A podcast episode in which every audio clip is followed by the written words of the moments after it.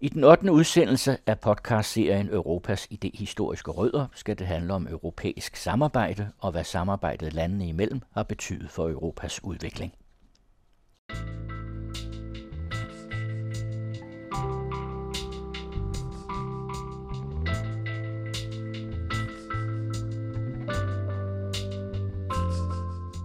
Den europæiske union blev formet i 1951. Seks lande deltog i samarbejdet. Belgien, Tyskland, Frankrig, Luxembourg, Holland og Italien. I dag tæller unionen 28 lande, et europæisk flag, euroen og egen hymne. Professor MSO Søren Dosenrode fra Aalborg Universitet fortæller her om de grundlæggende værdier og forestillinger, som EU er bygget på. Hvis du tænker på med Europa, mener EU, så det, det drejer sig om, det er fred. Hvis du kigger tilbage på den europæiske historie, så har Europa været kendetegnet af krig og urolighed lige siden Romeriet øh, faldt sammen omkring 476. Og hver gang der har været krig og urolighed, så har folk tænkt på, hvordan kan vi undgå det? Hvordan kan vi få fred og samarbejde med stand? Og der har været en, en lang række projekter og forsøg og tanker på, hvordan man kan skabe ja, netop fred, velstand i Europa. En af de første, jeg stødt på, det er en, der hedder Pierre Dubois. Han skrev et projekt omkring 1306. Han var altså lige i middelalderen, og der har været i, i hvert fald et par hundrede senere af de her projekter. Det sted, det måske vil være fornuftigt at stoppe op, hvis vi vil kigge på EU i dag, det er Første Verdenskrig. Øh, Første Verdenskrig det er et chok, som vi ikke helt kan forestille os i dag. Fordi øh, dengang før Første Verdenskrig, så troede man, at fred var sådan set, det var sikkert. Alt gik fremad, hvis man kiggede på det. Teknologi, medicin, øh, ja, litteratur, kunst. Alt så ud til bare at bevæge sig opad. Og så kom den her krig. En krig, der havde i hvert fald omkring 10 millioner offer. Det er 3-4 gange Danmarks øh, befolkningsantal på det tidspunkt. Det var et enormt chok. Og der er selvfølgelig nogen, der tænkte på, hvordan kan vi undgå det. Og en af dem var en østrig og en, der hed Kutenhove Kalergi, der i 1923 øh, fik ideen til det, han kaldte Pan-Europa. Han ville lave en konfederation, der skulle bestå af et frihandelsområde og en, ja, en forsvarsalliance, en sikkerhedsgaranti, der gjorde, at alle lande kunne være sikre på, at de øh, ikke ville blive angrebet. Og hans idé var, at når man er sikker på, at man ikke bliver angrebet, så behøver man ikke at have toldmure. Og hvis man kan nedbryde sine tolvmure, så kan man have frihandel. Og frihandel, den skaber velstand. Og når der er velstand, så er der ikke sociale og osv. osv. Det var hans idé. Og han snakkede med en masse statsfolk, blandt andet Torvald Stavning, der synes det var en god idé. Men på en eller anden måde så løb det ud i sandet, for det var jo altså, han var jo ikke statsmand. Til gengæld var den næste, der fik en idé, det var en, der hed Aristide Briand. Han var fransk udenrigsminister i 20'erne. Han har været fransk premierminister flere gange også. Og øh, i 1929, der fremlagde han det, han kaldte sit memorandum. Han ville lave en europæisk federation. Øh, og han havde spurgt sine udenrigsministerkolleger på et eller andet tidspunkt, om ikke det var en god idé, at han man arbejdede for fred i Europa. Det der altså han sagde, jo, gør du endelig det. Og de har så sendt det til ham. Og så sendte han øh, et memorandum til dem, og ikke bare sendte han det til dem, han satte også en deadline på, for hvornår de skulle svare.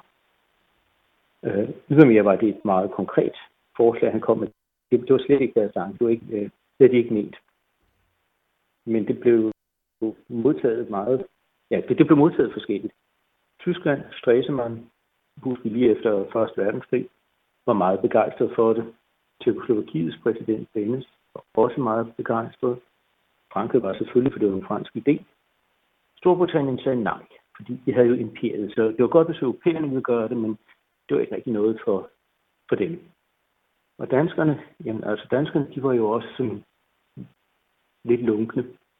De sagde, at det var en rigtig god idé, og så kom de med alle forbeholdene. Det var udenrigsminister P. Munk, øh, der sagde, at det er en god idé med frihandel. Det er en dårlig idé med nye institutioner. Hvis der skal være nye institutioner, så skal vi være åbne for alle. Vi skal ikke være en stor klub. Altså grundlæggende de samme argumenter, som man kunne høre i debatten om det EF-medlemskab øh, i 1973. Så der er sådan en, en tydelig linje der på den danske holdning. Nå, men det blev jo ikke til noget, fordi Hitler kom til magten, Mussolini slet ikke noget med det at gøre. Og så kom 2. verdenskrig. endnu en katastrofe. Det vil sige, inden for 25 år havde man i Europa haft to krige, verdenskrige. En uh, fransk, eller tysk eller engelsk mor, kvinde, kunne nå at have sin lille søn ved siden af sig, når hun øh, vinkede farvel til manden, så gik ud og blev slået ihjel. Og hun kunne faktisk også nå at sende sin søn afsted, nu som voksen og soldat, i 2. verdenskrig.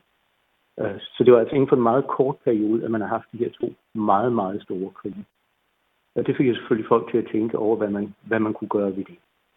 Øh, og der er en hel række grunde til, til hvorfor uh, der så skete noget faktisk denne gang efter 2. verdenskrig. Efter 2. verdenskrig, der skete der en, en masse ting. Man fik blandt andet Europarådet og Marshallhjælp og sådan noget. Men frem for alt så skete der noget, når det drejede sig om europæisk integration. Og hvad var årsagen til? Jamen, der var flere af dem, ikke? Øh, frem for alt igen, vi har haft den her krig. For anden gang inden for en generation havde man haft en, en øh, skrækkelig krig, der havde ødelagt Europa. USA havde sagt, at de gerne ville hjælpe os øh, økonomisk for at komme på fod igen, øh, men kun hvis vi selv kunne finde ud af at fordele penge. Altså USA pressede europæerne til at til hvad hedder det nu, at fordele pengene til at samarbejde. De her stater begyndte at lære, at man kunne samarbejde. Så havde man den kolde krig, og der skulle Vesteuropa jo øh, på en eller anden måde omdannes til at være en bastion mod kommunismen. Um, og så var der spørgsmålet med, med Tyskland. Øh, hvad i alverden skulle man stille op med det, øh, for at undgå, at der blev krig igen? Øh, der var faktisk et folkeligt pres for mere integration og samarbejde i Europa i årene lige efter krigen. Man ville simpelthen ikke have en krig igen. Øh, og det viser også i de europæiske, altså de kontinentale partier, bortset fra kommunisterne, hvor de fleste faktisk for en eller anden form for europæisk integration. Og så var der altså den, den personlige faktor også. Der var mange kristendemokratiske statsmænd, der var ved magten, og som øh, ønskede europæisk integration. Helt konkret så var det øh, Robert Schumann fra Frankrig, det var Alcide de Gasperi fra Italien, og det var Konrad Adenauer fra Tyskland. Schumann var central, øh, fordi han havde en utrolig god medarbejder, Jean Monnet, øh, der fik en idé til, hvordan man måske kunne, kunne skabe fred og velstand i Europa. Øh, og den her plan, Schumann-planen, øh, den prøvede de at, at sælge til de andre. Det var relativt let. For, for igen, Robert Schumann Gasperi og Adenauer, de, var, de havde tillid til hinanden. Adenauer var, var måske tysk, men han havde været modstander af naziregimet. Han var blevet væltet eller blevet sendt i indre eksil, frataget sig sin overborgmesterpost i Køln. Um, øhm, så man, han havde gode øh, credentials, som jeg så måske. Gasperi også, han havde også været antifascist, og Schumann selvfølgelig også. De var katolske, de talte tysk, de kom fra grænseområder. De fik en vi havde en gensidig tillid, og det er altså vigtigt en gang imellem øh, i international politik. Den plan, som øh, Robert Schumann og Jean Monnet havde, og som de inviterede de andre til at deltage i, det var, at man ville lave et europæisk kul- og stålfællesskab. Kul og stål, fordi det var det, man dengang brugte til øh, oprustning. Øh, til, ja, oprustning. Så den, der kontrollerede kul og stål, kunne også kontrollere øh, hvem der havde våben, og der ikke havde våben. Så deres idé var, at hvis man lavede et, et fælles kul- og stålfællesskab, og man tog suveræniteten og lagde den op til den føderale myndighed, eller supranationale myndighed, så kunne staterne, så kunne Tyskland eller Frankrig ikke pludselig opruste. Og så var der en bieffekt, og det var, at man ville skabe et indre marked på kul og stål, og det var med til at skabe velstand. Så målet var altså fred, og, og man kan sige, øh, bieffekten eller frynsegode, det var velstand. Det, man skal lægge mærke til, det var, at det var fem år efter 2. verdenskrig var slut. Det vil altså sige, at ønsket om fred og, og samarbejde kom fra Frankrig til Tyskland, der lige akkurat havde smadret øh, Europa. Det er sådan set lidt, lidt fornemt at tænke på. Men igen, målet det var samarbejde. Og det var de, de tanker, de havde liggende. Øh, Kul- og stålfællesskab, det skulle være begyndelsen til et til en federation. Det står klart og tydeligt i, i, i præamten, og det står i det, der hedder øh, Fabriksdeklarationen fra 1950, at det her det er begyndelsen til en europæisk federation. Det har vi en tendens til at glemme i Danmark. Hvis man skal sammenfatte de her tanker, som vi har hørt lidt om, så noget af det, der er karakteristisk for dem, det er, at det drejer sig om fred. drejer sig om fred og samarbejde. Hvis der har været økonomi involveret i det, så har der altid været noget, noget sekundært. Kernepunktet i planerne faktisk siden i hvert fald 1306 har været fred og samarbejde i Europa.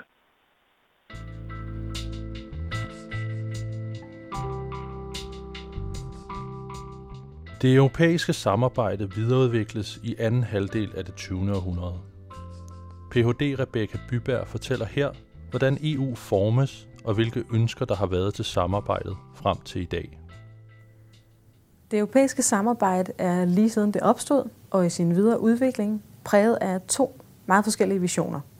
Den ene vision det er en federalistisk øh, vision, som handler om, at man ønsker sig, at Europas forenede stater i USA's billede. Man ønsker sig altså, at staterne de skal afgive suverænitet, og på et overstatsligt plan, der kan man så tage politiske og økonomiske beslutninger. Den anden vision, det er et slags nationalstaternes Europa, hvor man gerne vil det europæiske fællesskab, men det skal være et fællesskab, hvor man tager beslutninger i, i mellemstatslige fora. Regeringsledere, de bliver enige om, om, om, om ting, som de så beslutter. Og efter 2. verdenskrig, der er der meget stærke føderalistiske bevægelser. Man mener, at det her det vil være vejen frem ud af armod og den ødelæggelse, der præger Europa på det her tidspunkt. Men frugten i første omgang, det er en række tiltræ, hvor der kommer meget lidt ud af det. Europarådet bliver etableret i 1949, men det er først og fremmest et tandløst organ til at starte med. Det, der viser sig at være en øh, farbar vej øh, frem, det var øh, en plan, som blev fremlagt af den franske udenrigsminister Robert Schuman. Øh, det var en plan udtænkt af hans embedsmand Jean Monnet, som havde gode amerikanske forbindelser og også var optaget af det her med at skabe et Europa i, i et amerikansk billede. Og så ville han gerne fremlægge øh, teknokratiske løsninger på komplekse politiske problemer. Og Schumann-planen den handler om, at de franske øh, og tyske kul- og stålindustrier de skal underlægges et overnationalt organ. Det vil sige, Frankrig og Vesttyskland de skal afgive suverænitet på de her specifikke områder til et højere organ, som kan tage fælles beslutninger inden for områderne. Og så skulle der skabes et fælles marked for kul og stål i Europa, hvor karteller skal undgås. Det her det er løsningen på et problem, nemlig adgang til Ruhrdistriktet i Tyskland, som ligger på grænsen til Frankrig. Og det handler om, at kul og stål det er helt vitalt for industrien i Europa, og at man skal opbygge industrierne igen på det her tidspunkt. Så er der også løsningen på, at man i Europa er bange for, at Vesttyskland øh, økonomisk øh, og uafhængighedsmæssigt er begyndt at, at blive en voksende magt igen i 1940'erne, i slutningen af 1940'erne. Og det er det her samarbejde, som rent faktisk bliver til noget. I 1951 indgås en kontrakt mellem Vesttyskland, Frankrig, såvel som Italien, Holland, Belgien og Luxembourg. Storbritannien vælger at stå udenfor og forfølger sin egen sådan, imperiekurs og knytter nogle lande til sig, blandt andet Danmark i et handelssamarbejde, som hedder EFTA. Samarbejdet her, Kul- og Stålunionen, der er nogle federalistiske undertoner. Det var skrevet ind, at samarbejdet med tiden skulle blive til både en forsvarsunion og en politisk union, men de her planer de dør hen i midten af 1950'erne. I stedet så arbejder Monet videre for det frie marked og integration af nye områder, blandt andet energi og transport. Og på baggrund af hans og andres anstrengelser og en villighed i regeringerne til at gå den nye vej, og med opbakning fra USA, så udvidede samarbejdet i 1958, da Romtraktaten træder i kraft, og det europæiske økonomiske fællesskab og Euratom etableres. Resultatet her, det er økonomisk fællesskab i stedet for politisk fællesskab i første ombæring. Og ambitionen den er, at 12 og afgifter på handel medlemslandene imellem skal afskaffes, og at personer, øh, services og kapital kan bevæge sig frit. Det her nye marked det skal administreres og styres af en række organer. En kommission, som kan foreslå nye love, et råd, som skal vedtage lovene, og et parlament, som skal høres, og så en domstol, som skal dømme inden for traktatens rammer. Det, der ligger bag, det er først og fremmest økonomisk rationale. De europæiske lande de havde brug for et samlet marked og øget handel til at opbygge velfærdsstaten for at sikre deres vælgers tillid. Det er også idéer om fred og at gå mod politisk samling.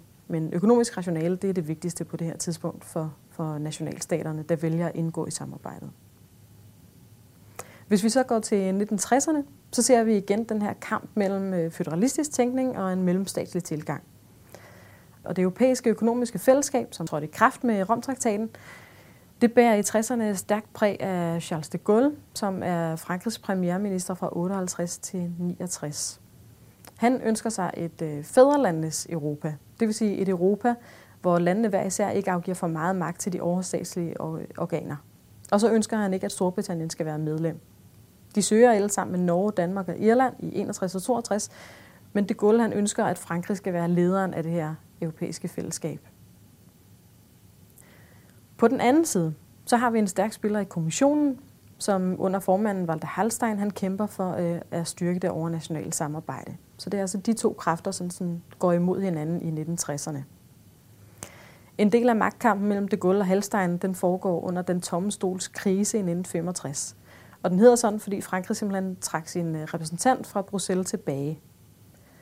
Baggrunden var, at man skulle overgå til at beslutte love med flertal i rådet, i stedet for enighed blandt medlemmerne. Og kompromiset, som løste krisen, øh, kalder man Luxembourg-kompromiset, og Frankrig får et forslag igen om, at der skal være enighed i rådet, når lov skal vedtages. Og så modsat Frankrig sig også, at Halstein skulle genvælges som formand for kommissionen. Og igen, at Storbritannien skulle være medlem. De Gaulle han karakteriseres ofte som sådan en slags øh, meget fæl modstander af samarbejdet. Øh, sagen er simpelthen, at han havde sin egen vision om, hvordan det europæiske fællesskab skulle være, det her fædrelandenes Europa. Men mens han var præsident, der blev en række barriere mod frihandel, det blev faktisk fjernet, og handelen blev tredoblet i perioden. Men man må sige, at Europa i 60'erne og det europæiske fællesskab, det bærer meget hans præg. Alligevel så kan man sige, at Halstein og føderalisterne de fik en lille sejr igennem øh, en bagdør, kan man sige, nemlig juraen. Blandt andet med pres fra Halstein og, og andre kommissionsmænd, så afsagde domstolen to helt afgørende domme i 1960'erne. De her domme, de sagde, at øh, samarbejdet det er meget mere forpligtende end normalt internationalt samarbejde. Det var nemlig bygget på en arts forfatningsret, som giver almindelige mennesker rettigheder, ikke kun stater. Og så var den europæiske domstol, den var placeret over alle de nationale højesteretsdomstole i stridsspørgsmål. Derfor så kunne folk holde på deres ret og for eksempel få handelsbarriere, som vedrørte dem, øh, og blev forbudt med det europæiske samarbejde, fjernet via de nationale domstole, hvis nu de enkelte lande var genstridige eller ikke ønskede at fjerne dem, selvom de havde indgået aftalen. Og til en vis grad så er det her accelereret samarbejdet fremad. I 1970'erne der fortsættes det Gaulle's kurs, da det europæiske råd oprettes i 1973. Her mødes stats- og regeringscheferne og aftaler EU's kurs. Så det vil sige, den mellemstatslige tilgang den styrkes og institutionaliseres, og federalisternes håb om, at nationalstaterne de ville forsvinde med samarbejdets udvikling, får altså endnu et nederlag. Og siden da er alle nye traktater og beslutninger om udvidelser osv. kommet fra det her råd. Men man må sige, at samarbejdet det fortsat til trods for lav eller negativ vækst og svære økonomiske vilkår, for eksempel oliekrisen 1973. Og det er overraskende i sig selv, at landet de ikke tyder til økonomisk nationalisme i stedet for. Oven i købet så bliver fællesskabet udvidet, da Storbritannien, Danmark og Irland bliver optaget i 72 og indtræder i 73. Så nu er der ni lande, der arbejder mod et fælles marked. Der bliver også oprettet et fælles monetært system, øh, og et element er for eksempel, at der er faste vekselkurser. Så bliver det nemmere at handle og nemmere at skabe noget forudsigelighed i handelen. I 1980'erne og 90'erne her accelererer samarbejdet voldsomt og meget præget også af nogle af de føderalistiske tanker. Man kan sige, at i starten af 80'erne, der ligner øh, det europæiske samarbejde faktisk til forveksling i begyndelsen af 60'erne. Der er nogle barriere, som er blevet flyttet, men der er stadig paskontrol, og der er en række forhindringer for, at folk kunne flytte sig, at de kunne sælge varer og arbejdskraft i andre lande. Efter det, der hedder den europæiske enhedsakt fra 1986 og Maastricht-traktaten fra 72, så så EU, som det kom til at hedde i 92, nu helt anderledes ud. Og der var gjort afgørende tiltag for at skabe et ægte frit marked for personer, varer, ydelser og kapital på baggrund af økonomisk og monetær union, hvor en fælles valuta også skulle introduceres. Og så var der flyttet væsentlig politisk magt til de europæiske institutioner, hvor der kunne tages flertalsbeslutninger inden for flere områder nu. I en øh, kompliceret struktur med tre søjler, hvor den ene var overstatslig, og de to andre var mellemstatslige, så blev der nu også introduceret samarbejde om retlige og indre anlægner i anden søjle, og udenrigs- og sikkerhedspolitik i tredje søjle. Det her det var i høj grad resultatet af mænd med føderalistiske visioners arbejde. Eksempelvis Jacques Delors, der var formand for kommissionen i 1980'erne og landede aftalen om den europæiske enhedsakt. Og hans vision for Europa, det var en, en, et Europa, hvor det over, den overstatslige konstruktion på, på sigt ville erstatte øh, nationale regeringer på de fleste områder. En modstander mod det her, det var Margaret Thatcher, den øh, engelske premierminister. Og hun, øh, kan man sige, bare sit præg på, hvordan det blev opfattet i, i Storbritannien. Eksempelvis så havde den britiske tabloidavis The Sun en overskrift i 89, hvor der stod Up yours Delors. Det siger lidt om, hvordan man opfattede Jacques Delors i, i Storbritannien. Og det er sådan en eksemplificering af Margaret Thatchers modstand mod et overnationalt Europa. Hun ønskede også et mellemstatsligt Europa. Efter at Margaret Thatcher er gået af som premierminister, så bliver den europæiske union en, en realitet i 1993. Der er monetær union, der er en europæisk centralbank, der er ny magt til parlamentet, hymne, europaflag og europaborgere. Det vil sige helt klassiske statssymboler. Og et nyt forenet Tyskland, som er med i den her struktur. Når det kunne lade sig gøre, så er det ikke kun idealisme og føderalistiske tanker. Det er også fordi nationalstaterne havde en egen interesse i at udvikle samarbejdet. Blandt andet var Maastricht et udtryk for, at medlemslandene havde brug for en monetær union til at tage noget magt tilbage fra det her nye forenede og stærke Tyskland, og Bundesbanken, som naturligvis var den stærkeste spiller i Europa på det monetære område. Og med Maastricht-traktaten her, så træder der sådan en eufori i kraft. Til trods for bump på vejen, kan man sige, med Danmarks afvisning af traktaten i første omgang, og den kun akkurat gik igennem en fransk folkeafstemning med 50,8 procent for. Men politikere og forskere de betragter EU som sådan en slags postmoderne mirakel og et potentielt eksempel for andre stater, hvordan man kan integrere samarbejde. Og i den her stemning der blev EU udvidet med Sverige, Østrig og Finland i, i 95. I nullerne der fortsætter udvidelserne. I 2004 og 2007 der udvides EU med 12 østeuropæiske lande. Og det stiller sådan store institutionelle spørgsmål. Hvilken slags fællesskab skal EU nu være med 27 lande, og hvordan skal ting besluttes? Man arbejder derimod øh, hen imod sådan en egentlig forfatningstraktat, som skal samle de eksisterende traktater og revidere EU's institutionelle grundlag, så der kun er én overstatslig søjle og en præsident for det europæiske råd og nye beslutningsprocedurer. Og det her, det er føderalisternes øh, hededrøm. Det er kronen på værket i en stat eller i en føderation. Men samtidig så breder der sådan en euroskepsis i befolkningerne, og forfatningstraktaten den lider et stort nederlag, da franske og hollandske vælgere de stemmer nej til traktaten og sender EU ud i en krise. I stedet for så bliver Lissabon-traktaten vedtaget, som havde meget mindre symbolik, men en del af det samme indhold. Og den krisestemning, der prægede samarbejdet efter forfatningstraktatens fald, den bliver næret endnu en gang af finanskrisen i starten af 10'erne, og nu med Brexit, hvor Storbritanniens befolkning stemte ja til udmeldelse i juni 2016. Derfor kan man sige, at lige nu der går EU sådan en uvis fremtid i møde. Hvis man skal se på historien, så kan man sige, at man kan ikke forudsige, om det vil føre til mere integration, eller det potentielt vil føre til desintegration.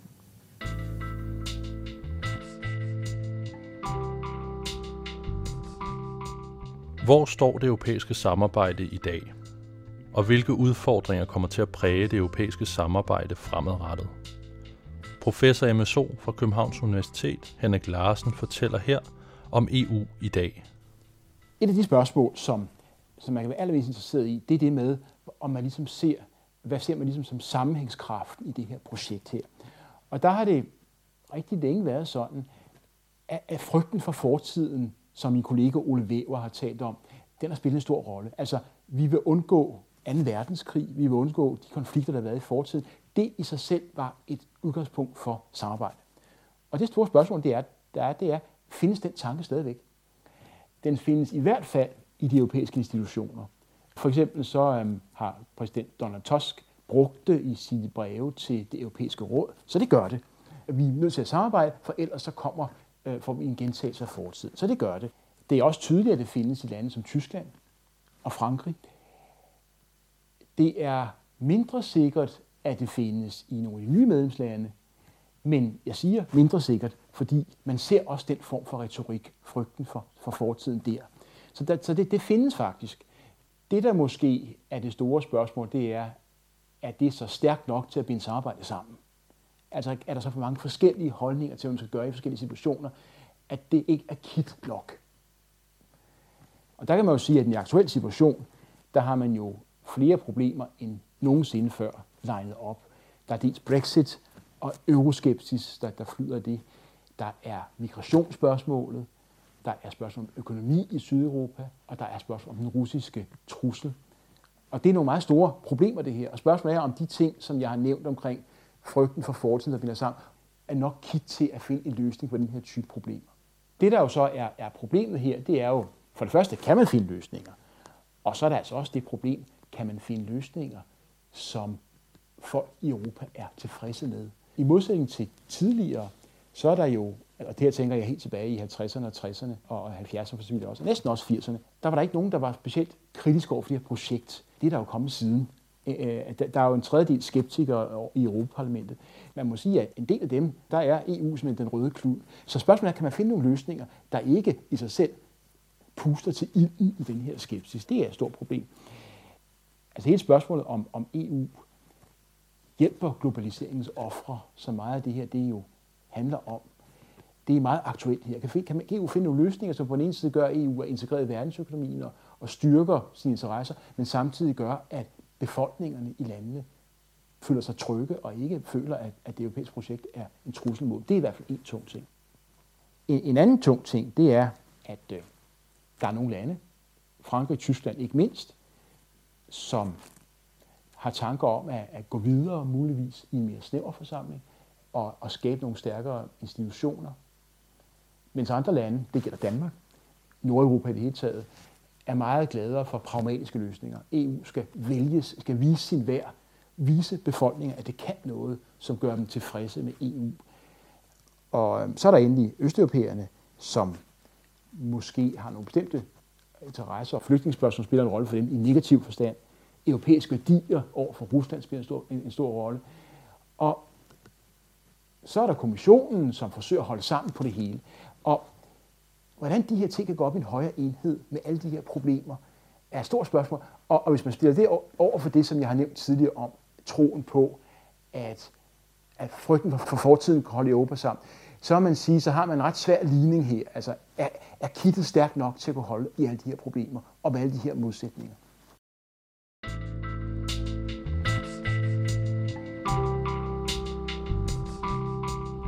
En ting er det politiske fællesskab, som binder EU-medlemslandene sammen. Men kan man tale om en fælles europæisk kulturarv eller en særlig europæisk identitet? Lektor Troels Myrup Christensen fra Aarhus Universitet fortæller her om den fælles europæiske kulturarv. Det er jo meget svært at tale om, om én fortælling.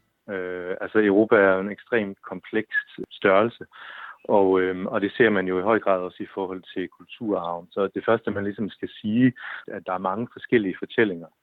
De fortællinger, de kan sådan grundlæggende deles op i, i to typer. Den ene, det er måske den type, vi kunne kalde den, den negative grundlæggelses fortælling eller historie eller myte, alt efter perspektiv, som jo meget går på, at øh, Europa er bygget på nogle slemme ting. Krig, 2. verdenskrig, jerntæppet, øh, krig og ødelæggelse. Og det er ligesom en, en meget negativ øh, fortælling om, at europæisk kulturhistorie bygger på, på noget, vi i hvert fald ikke skal tilbage til. Så er der også nogle mere øh, positive øh, fortællinger, positive grundlæggelsesmyter, man kan tale om, som jo selvfølgelig kan være lidt forskellige afhængig af, hvor vi er henne i Europa. Øh, en af sådan de store øh, fælles, øh, kan man sige, er antikken, altså den græsk-romerske kulturarv, der peger tilbage på antikken, øh, er noget, der har været gjort øh, igennem århundreder i Europa, øh, både de steder, som var en del af den græsk-romerske kulturarv, og de dele, som, som var udenfor, som jo for eksempel i Danmark hvor man jo netop har investeret massivt i at, at være en del af den her fortælling om antikken. Øh, det ser vi jo blandt andet gennem sådan en fag som oldtidskundskab i gymnasiet, som sådan på en ret unik vis er en, et ret unikt fag i en europæisk sammenhæng, eller i hvert fald en nordeuropæisk sammenhæng, hvor der simpelthen står i, i, i undervisningsplanen, at det er et fag, der skal kigge på antikken som en del af en fælles europæisk kulturarv. Altså, det er jo en forestilling, vi har i Danmark, om at være en del af det fællesskab, som man har investeret meget massivt i. Altså det er jo også nogle historiske omstændigheder, der gør, at vi har investeret massivt i det. Ikke?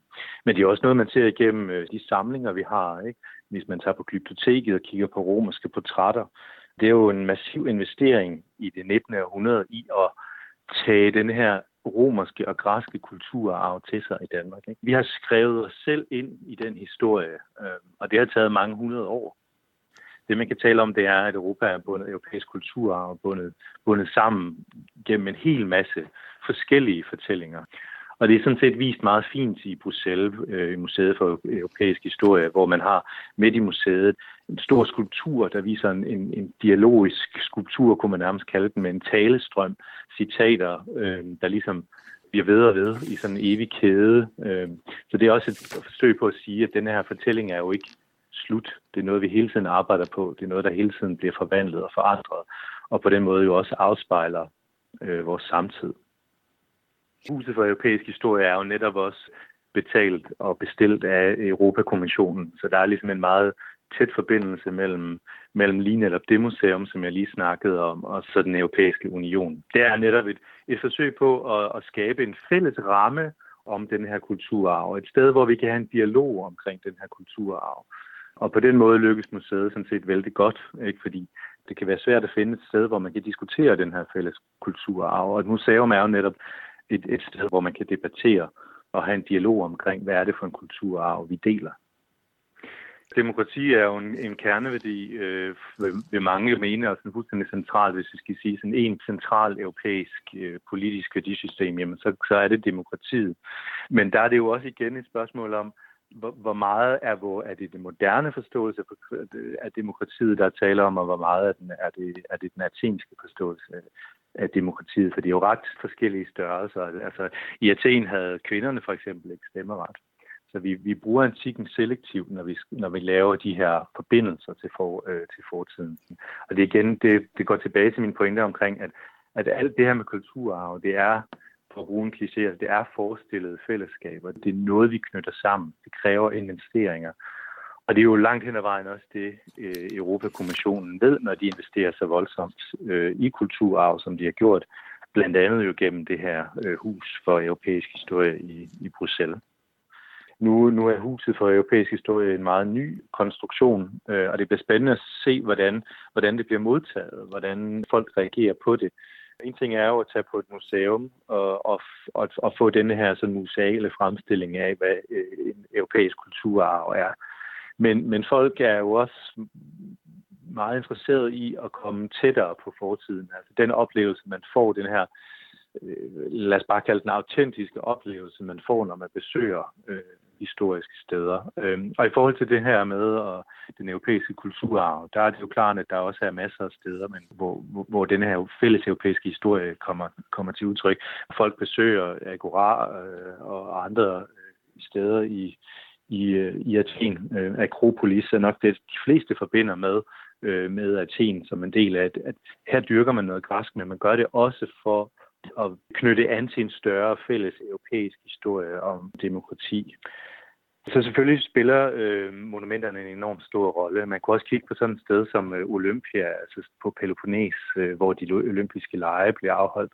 Og på mange måder spejler de olympiske lege, som det bliver afholdt i antikken, sådan set også meget godt det, det moderne Europa, øh, og hvordan det er til at foregå rent politisk. Ikke? Med de olympiske lege er blevet sammenlignet med øh, krig uden at slås. Ikke? Altså det er øh, en, en måde, at man mødes, øh, man er uenige, man er forskellige, men man dyrker også et fællesskab, og man undgår i hvert fald øh, også at komme op og slås. Så på den måde kan man sige, at der er i de olympiske lege, som de bliver afholdt i antikken også, på nogle punkter er et, et, et smukt ideal for Europa i dag.